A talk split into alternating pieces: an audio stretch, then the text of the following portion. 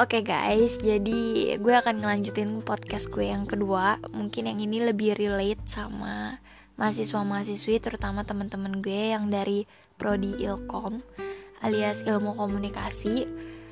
Uh, mungkin kita dari anak-anak Ilkom ini sering dapat pertanyaan beberapa kali ya, seperti kenapa kuliah ilmu komunikasi? Kan setiap hari juga komunikasi. Nah, itu tuh yang jadi pertanyaan-pertanyaan banyak orang. Mungkin terutama bagi teman-teman yang pernah ngerasa ditanya juga sama orang tuanya atau mungkin teman-teman terdekat yang mungkin mereka kuliah jurusan kedokteran, teknik atau mungkin hmm, bioteknologi, food tech dan lain sebagainya mungkin dia akan bertanya-tanya gitu kenapa kita kuliah ilmu komunikasi padahal ya setiap hari kita juga komunikasi?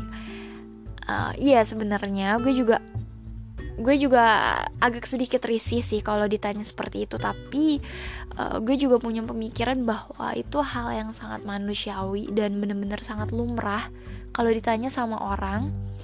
Karena memang kalau kita pikir secara logis nih teman-teman pasti kita memang komunikasi. Even kita dari bayi pun kita pasti komunikasi sama orang tua kita kan.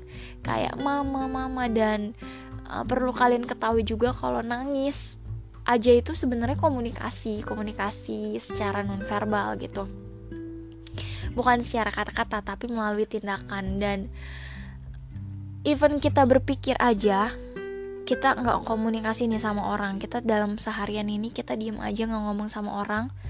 Tapi kita itu dalam bentuk berpikir aja udah disebut sebagai komunikasi. Dan itu disebut sebagai komunikasi intrapersonal Nah mungkin gue nggak akan ngebahas banyak tentang materi komunikasi karena ini bukan kuliah komunikasi. Jadi uh, mungkin ini akan podcastnya menjawab kenapa kuliah komunikasi padahal tiap hari komunikasi.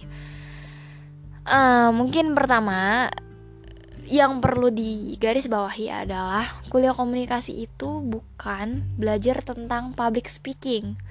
Titik Nah, itu yang mungkin harus digarisbawahi atau di highlight terus-terus menerus karena banyak dari kalian atau orang-orang di luar sana yang bertanya dan menuntut kita mahasiswa Ilkom untuk bisa public speaking dengan baik.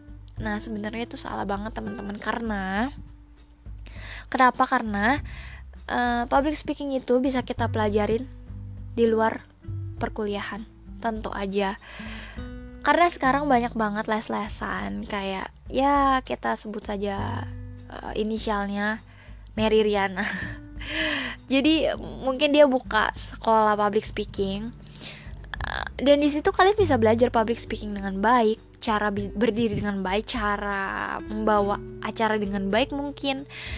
Tapi di kuliah ilmu komunikasi kalian itu bukan belajar hal-hal seperti itu jadi kalian itu tidak akan pernah diajarkan untuk bukan public speaking dengan baik ya mungkin berbicara yang baik dan benar mungkin bisa dibilang kayak gitu. Kayak misalkan nih dosen ilmu komunikasi bilang pokoknya di awal kalimat nggak boleh pakai kata dan dan di akhir kalimat nggak boleh pakai kata tapi. Titik. Nah kalian gak akan pernah menemukan dosen ilmu komunikasi itu bicara kayak gitu karena uh, apa pun yang kita bicarakan itu mereka akan menghargai kita dan ya mereka mungkin gak ada regulasi untuk kita bicara terbalik-terbalik atau bicara terjeda-jeda bicara terbata-bata itu mereka tidak akan pernah masalah karena yang menjadi poinnya itu adalah Nah, jadi uh, sorry tadi agak kepotong sedikit, jadi gue akan lanjutin. Jadi kalau misalkan kalian bicara tentang kalimat terbalik-terbalik atau bicara terbata-bata atau terjeda-jeda, itu tuh nggak akan pernah masalah karena kita akan terakhir-terakhir kita akan bisa itu karena terbiasa. Terbiasanya itu kayak gimana? Terbiasanya itu ketika misalkan dosen itu selalu memberikan kesempatan kita untuk berpendapat. Entah itu pendapat kita sependek apa pun, mereka akan selalu mendengarkan pendapat kita dan cara bicara kita mau bagaimanapun, mereka akan selalu mendengarkan kita dengan baik. ditambah lagi banyak tugas-tugas seperti presentasi atau kalian disuruh presentasi dadakan itu akan sering terjadi di kuliah komunikasi dan sebenarnya gue minta maaf juga gue nggak tahu sih prodi-prodi lain itu terbiasa banget atau enggak tapi yang mau gue highlight, itu adalah ketika jangan menganggap bahwa mahasiswa ilmu komunikasi itu adalah mahasiswa yang harus bicara dengan baik dan benar selalu gitu. Bukan, bukan itu yang kita ajarkan karena sebenarnya uh, bagi teman-teman yang mau belajar public speaking juga bukan hanya prodi ilkom, kalian juga harusnya bisa untuk berbicara yang baik dan benar gitu dan gak selamanya mahasiswa ilkom itu dituntut harus bicara baik dan benar dalam artian tidak boleh terjeda, tidak boleh terbata-bata, tidak boleh terbalik. Itu gak sama sekali karena akhir-akhirnya kita bisa uh, public speaking itu karena kita terbiasa gitu. Jadi kembali lagi kalau kita kuliah ilmu komunikasi itu bukan belajar tentang cara berbicara yang baik dan benar itu salah banget.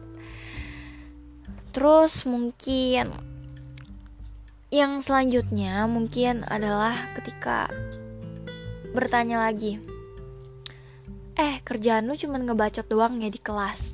Nah itu tuh.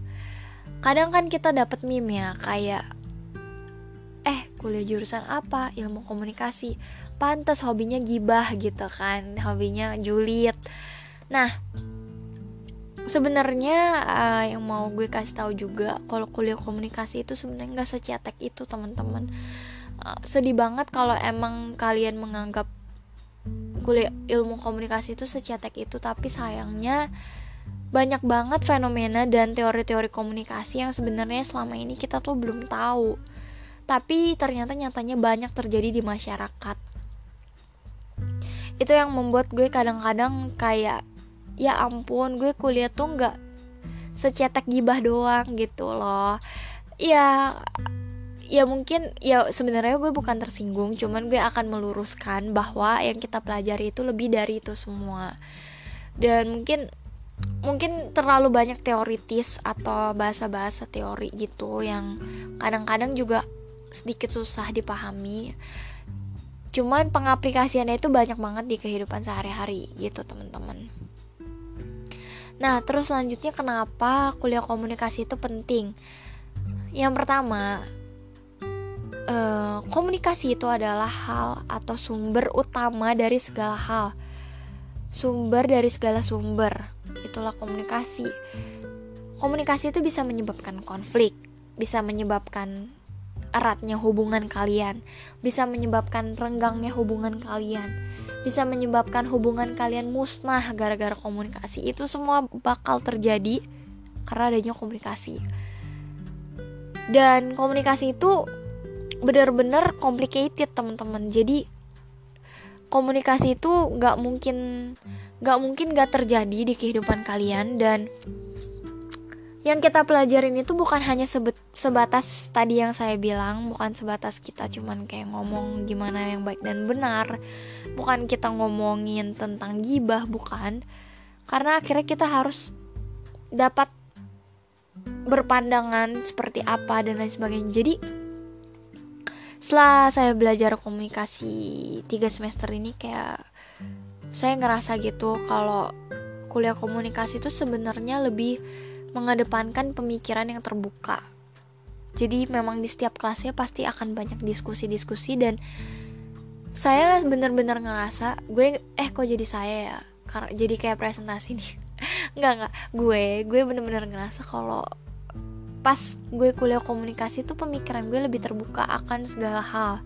Banyak fenomena-fenomena di kam eh di kampus bukan hanya di kampus di luar kampus di lingkungan di lingkungan kerja di lingkungan sekolah. Itu yang terjadi dan kita kira bicarakan dan kita cari tahu kritik saran dan solusi-solusi manajemen konflik dan lain sebagainya itu kita belajarin dan itu membuat kita tuh dapat menyelesaikan permasalahan-permasalahan gitu dengan baik.